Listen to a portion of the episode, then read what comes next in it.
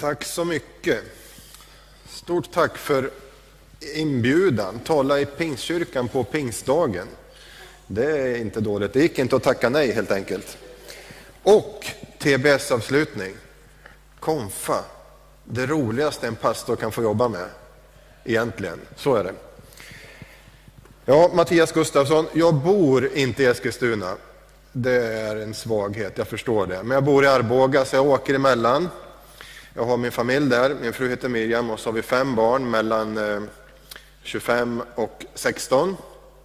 Och vi bor på en gård utanför stan, så där sysslar vi också med värphöns och odlingar och växthus och sånt. Och sommarkafé. Välkomna till vårt sommarkafé i sommar. Reklam, får man göra det? Ja, tack. Ni är välkomna allihopa. Inte alla på en gång kanske. Hörrni, Malin läste ju den grundläggande pingstdagstexten från Apostlagärningarna 2. Till det så vill jag bara lägga en enda kort bibelvers från psalm 104, vers 30. Och där står det Du sänder din ande, då skapas liv. Och hade kyrkan varit full med folk här så hade vi bett oss att läsa en gång till i kör. Men det kan vi väl göra. Du som sitter vid din skärm kan du klämma i en gång i den här. Den var lätt, eller hur? Du sänder din ande, då skapas liv. Nu kör vi. Du sänder din ande, då skapas liv. Bra, det gick. Kommer ni ihåg för några år sedan, vår statsminister sa en gång i tv med eftertryck, och jag tror att de flesta av oss nickade instämmande att han har rätt. Han sa, i Sverige hälsar vi i hand. Punkt slut. Det var ingen diskussion. Och vi tänkte, ja men det är rätt, det är som att slå in öppna dörrar, så är det ju bara. Nu hälsar inte en kotte i hand. Och vi har inte gjort det på snart ett och ett halvt år. Och då undrar man, på Pingstkyrkans samtalskväll här om församlingen efter covid, ska ni ta upp det då? Ska vi börja hälsa i hand igen? Eller ska vi ta handtag, famntag, klapp eller kyss? Vad ska man välja? Hur ska man hälsa i framtiden? Man vet inte. Tänk om det inte spelar någon roll hur man hälsar på varandra. Man får niga eller bocka, ta i hand, kramas eller göra hur man vill. Tänk om det är något annat som är avgörande än hur man gör det, nämligen ögonkontakten med den man hälsar på. Tänk om det är det som är det viktiga. Sen kan man få göra hur man vill. Om ögonkontakten finns där så uppstår en connection med den jag hälsar på och det är väl det viktigaste. Kom ihåg vad ni hörde det först. När man är kristen så kan man också vara det på många olika sätt. Och Det finns ju många inslag. Och Ni som har gått TBS har pratat om allt det här, det är jag säker på. Vad handlar den kristna tron och det kristna livet om? Ja, det är Bibel, det är bön, det är kyrkan, det är givande, det är tjänst och det är en massa olika saker. Och hur ska det där gå till? Hur ska man klara ut allt det där och kunna veta hur man ska göra och när och på vilket sätt? Du sänder din ande. Då skapas liv i allt det där som har med det kristna livet och den kristna tron att göra. Det kan ju hända att det finns en bibel i min bokhylla. Och det kan till och med hända att jag öppnar den men inte fattar mycket. Men anden som Gud vill sända mig gör ju skillnaden så att det här kan bli en öppen och levande bok med ord ifrån Gud till mig.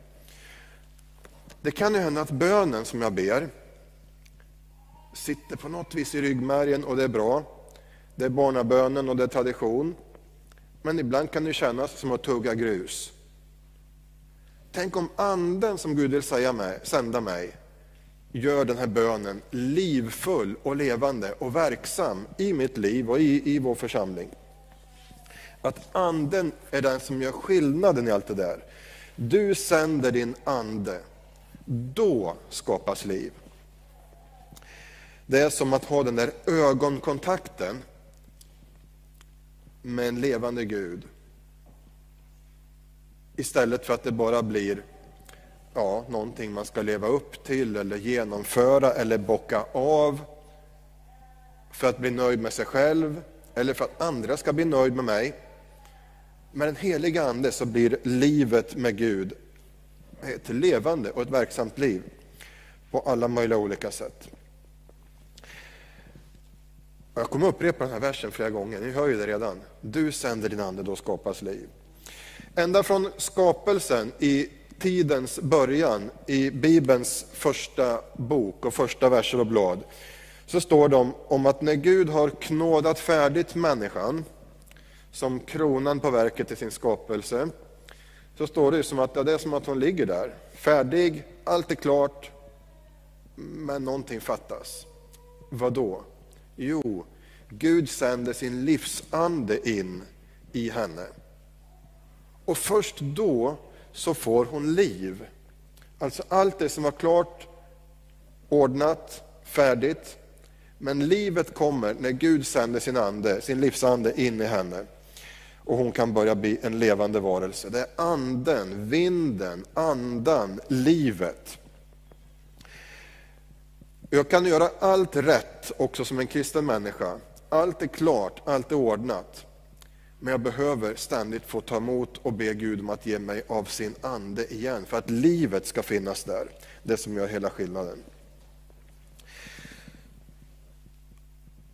Om man fortsätter genom Bibelns blad, lite snabbt här nu då, så, så vet vi att från början har Gud alltid sänt sin ande för att skapa livet på ett allmänt plan, men sen specifikt också till vissa människor som var utvalda och de behövde Guds ande för att göra det ena eller det andra.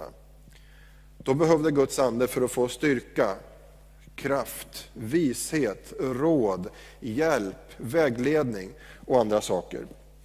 För att Gud skulle kunna verka genom dem till avgörande situationers lösning och att det skulle gå väl helt enkelt så fyllde anden dem. Och det hände då och då, genom hela gamla testamentet. Att några särskilda, utvalda, i extraordinära situationer fick uppleva det här stora, att Guds ande kom dem till hjälp. Ibland kan det kännas som att vi fortfarande lite tänker så att ja, men ande, ja, det är nog för några särskilda, extra, som vill ha extra tillbehör med sin kristna tro. Man tänker, ja anden är visst sänd till alla, men kanske, jag vet inte om det gäller mig. Det gäller nog de andra. Ja, då ska vi lyssna noga till en person ifrån Gamla Testamentet. Och det var också citerat i den texten som Malin läste, från Joels andra kapitel, Joel profeten. Han målar visionen om en kommande andeutgjutelse som ska komma i framtiden. Då inte över några, men över alla står det. Det ska komma en tid då jag utgjuter min ande över alla.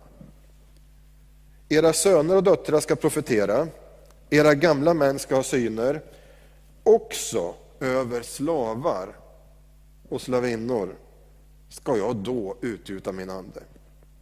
Profeten ger en föraning om någonting som ska komma i en framtid då, då, då Guds andes uppfyllelse inte kommer visa vilka som är speciellt utvalda, utan att alla som vill ta emot är utvalda. Jag och min kollega här som stod här nyss, vi får säga att vi befinner oss väl i medelåldern. Ja, mitt i livet, man har kanske fått saker och ting ordnat på vissa sätt i livet för sig och det kan, man kan känna att ja, det går bra, det går tillräckligt bra i alla fall.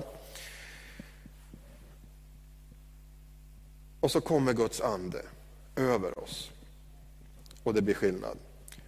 Och så ser vi oss ner till de som kommer efter oss och inser, när Joel profeterar, så ska Guds ande inte komma bara till oss som har det liksom sådär ordnat och bra. Till ungdomar, barn, den unga generationen, söner och döttrar ska anden också komma, säger profeten.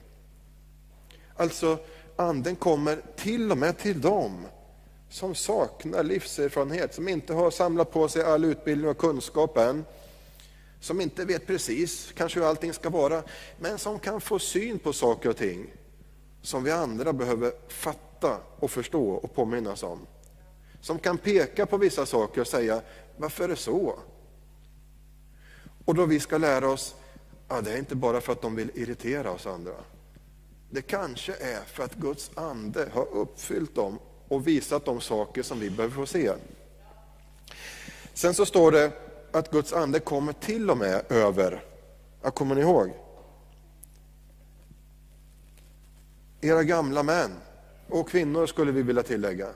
Den äldre generationen, alltså de som har all livserfarenhet, som vet om livets segrar, livets törnar, som kanske tänker, nu vet vi hur det här fungerar med, med allt sammans, det mesta i alla fall, och nu får andra ta vid, nu släpper vi taget och så får andra ta över. Och det är ju gott och väl att det är så. Samtidigt så står det om att Guds ande vill komma också över dem, som är den, den äldre generationen.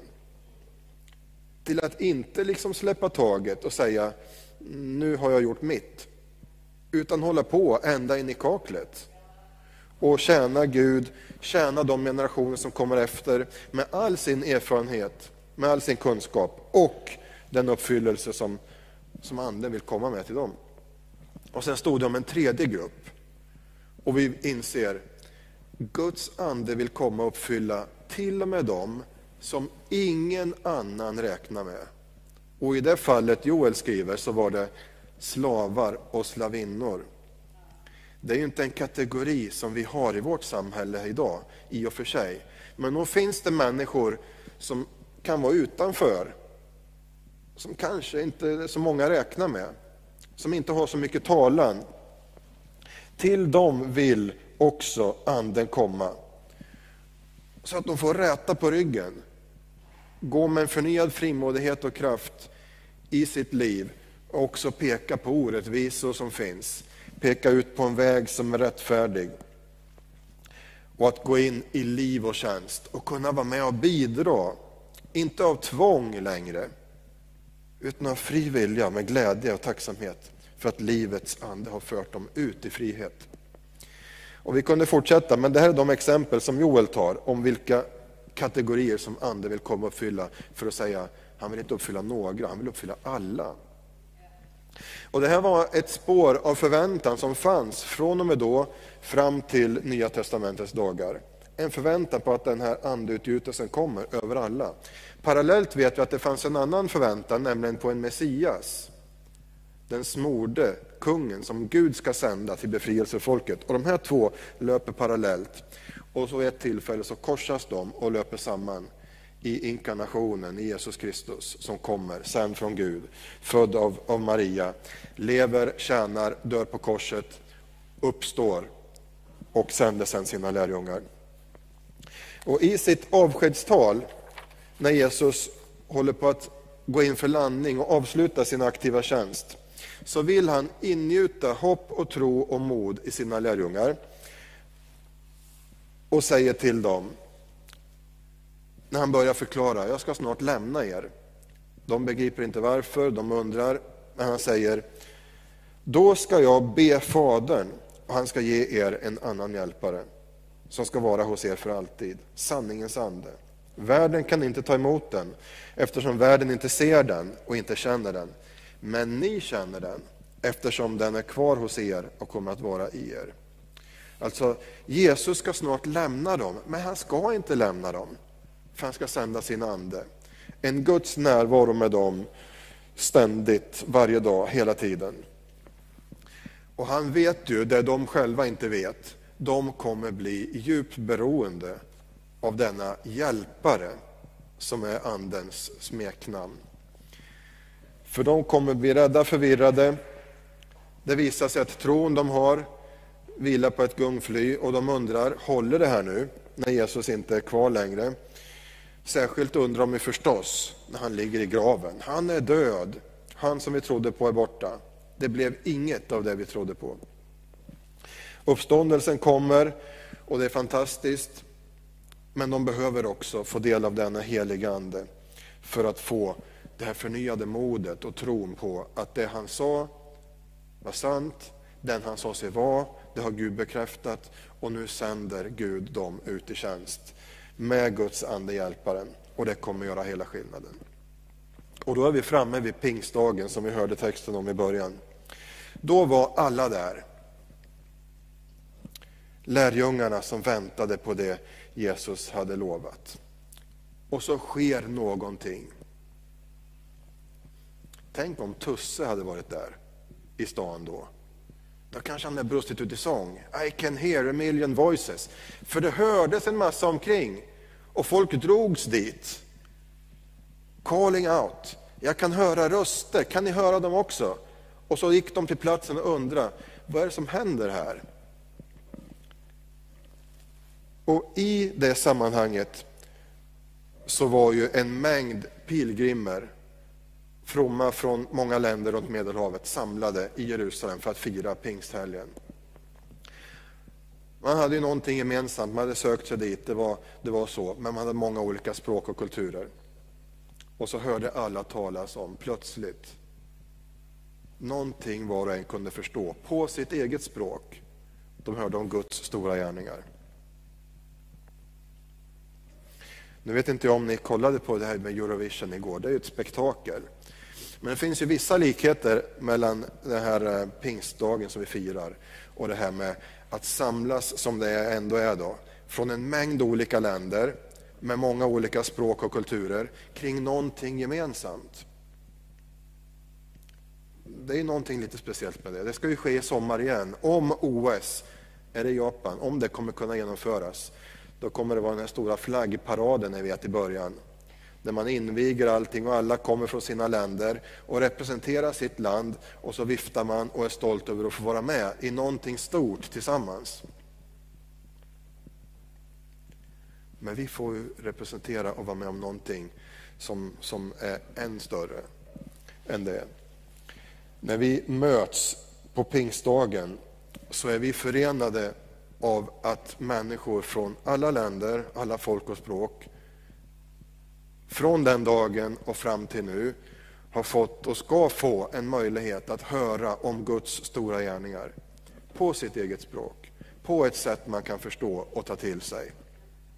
Och Det är en manifestation av att bli förenade av någonting. Vi som kommer från olika håll, olika språk, olika kulturer. Och vad är det som förenar oss då? Ja, men det är inte slagermusik i det fallet. Det är inte olympiska idrotter i det fallet. Utan vi förenar oss av tron på Jesus Kristus och anden som har kommit för att göra den tron levande för oss. Så att de murar som finns oss emellan, de språkhinder och barriärer och allt annat som kan byggas upp emellan oss människor, på något vis pulveriseras och raseras och förenar oss. Det är mäktigt, det är stort och det är större än både Eurovision och OS med, med stor marginal. Vi firar att Guds ande hjälparen kommit för att hjälpa var och en som vill och var och en som tror, vem han eller hon är, att få höra om Guds stora gärningar på sitt språk, förstå det och ta det till sig. Det räknades upp många där, vi kan ju ta det igen, för det är lite roligt att se om man klarar det utan att vricka tungan, var de kom ifrån. Vi är parter, meder, elamiter från Mesopotamien, Judeen, Kappadokien, Pontos, Asien, Frygen, Pamfylien, Egypten, Kyrene, Libyen och Rom, judar, proselyter, kretensare och araber. Det är ju ställen och platser som man nästan aldrig hört talas om någon annanstans än just i Bibeln. Ja, några har man, känner man till nu för tiden. Men i nästa steg så går det här vidare. Och visionen från pingstdagen och framåt i det som fortfarande ligger framför oss, det landar in i Bibelns sista bok, i Uppenbarelseboken, kapitel 7. Och den här visionen som finns där, när Johannes, aposteln, får se en stor skara som ingen kunde räkna av alla folk och stammar och länder och språk. De ropade med hög röst, frälsningen finns hos vår Gud som sitter på tronen och hos Lammet. Det är vad vi samlas kring. Att vi har blivit förenade kring någonting som gör att det som skiljer oss från varandra är väck.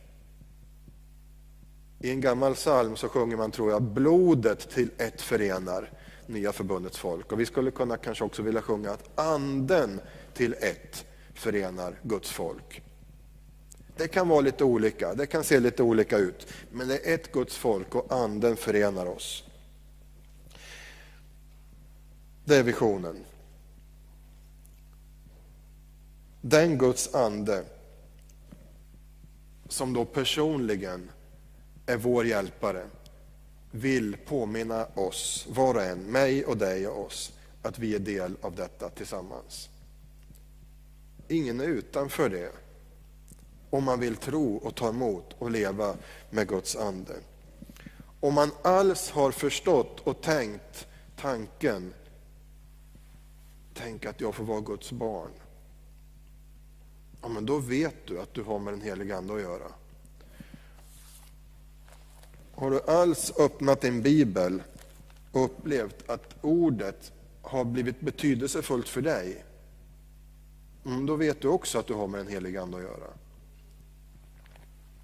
Har du mött kristna vänner och känt vi hör samman som bröder och systrar, då kan du också veta att du har med den helige Ande att göra. För inget av det där vore möjligt. Utan den helige Ande kan jag inte ens fatta att jag är Guds barn. Utan den helige Ande så blir Bibeln bara en bok som vilken som helst. Och utan den helige Ande så är vi skilda från varandra. Guds ande bor så i varje kristens hjärta, men vill också uppfylla oss igen. Så att vi dag för dag får säga, välkommen helige Ande, idag vill jag leva med dig, vill du leva med mig idag? Och då säger han, ja men självklart. Jesus säger vid något tillfälle, och jämför med, med vårt föräldraskap, vi som är föräldrar, och vi som försöker göra det bästa för våra barn, vi vill ju göra det bästa för våra barn. Och så säger han, ja men fattar ni då inte att Gud Fadern kommer att ge det goda, det bästa till er som ber om det?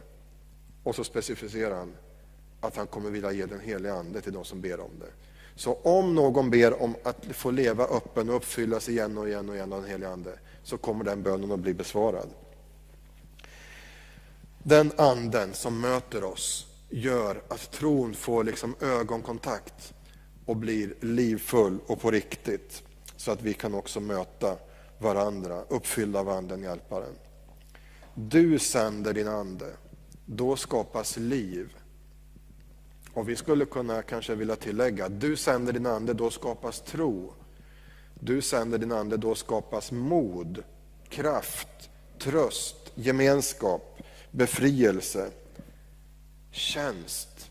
Då skapas allt det där som du och jag behöver för att kunna vara Jesu Kristi efterföljare idag. Och allt det som vi behöver för att kunna vara hans utsända till våra medmänniskor idag. Du sänder din ande, då skapas liv. Nu ska vi be. Tack Herre för att vi får läsa de här texterna, påminnas om de här berättelserna när du har sänt din ande till dina lärjungar, de där första lärjungarna. Och de visar oss exemplet att ja, kunde de få vara med, då kanske vi också kan få vara det. Du sänder din ande igen. Du gjorde det då, gång på gång, och du gör det till oss. Du uppmuntrar och uppmanar oss genom Paulus att låta oss uppfyllas av ande. Och idag vill vi be den bönen. Kom helig ande.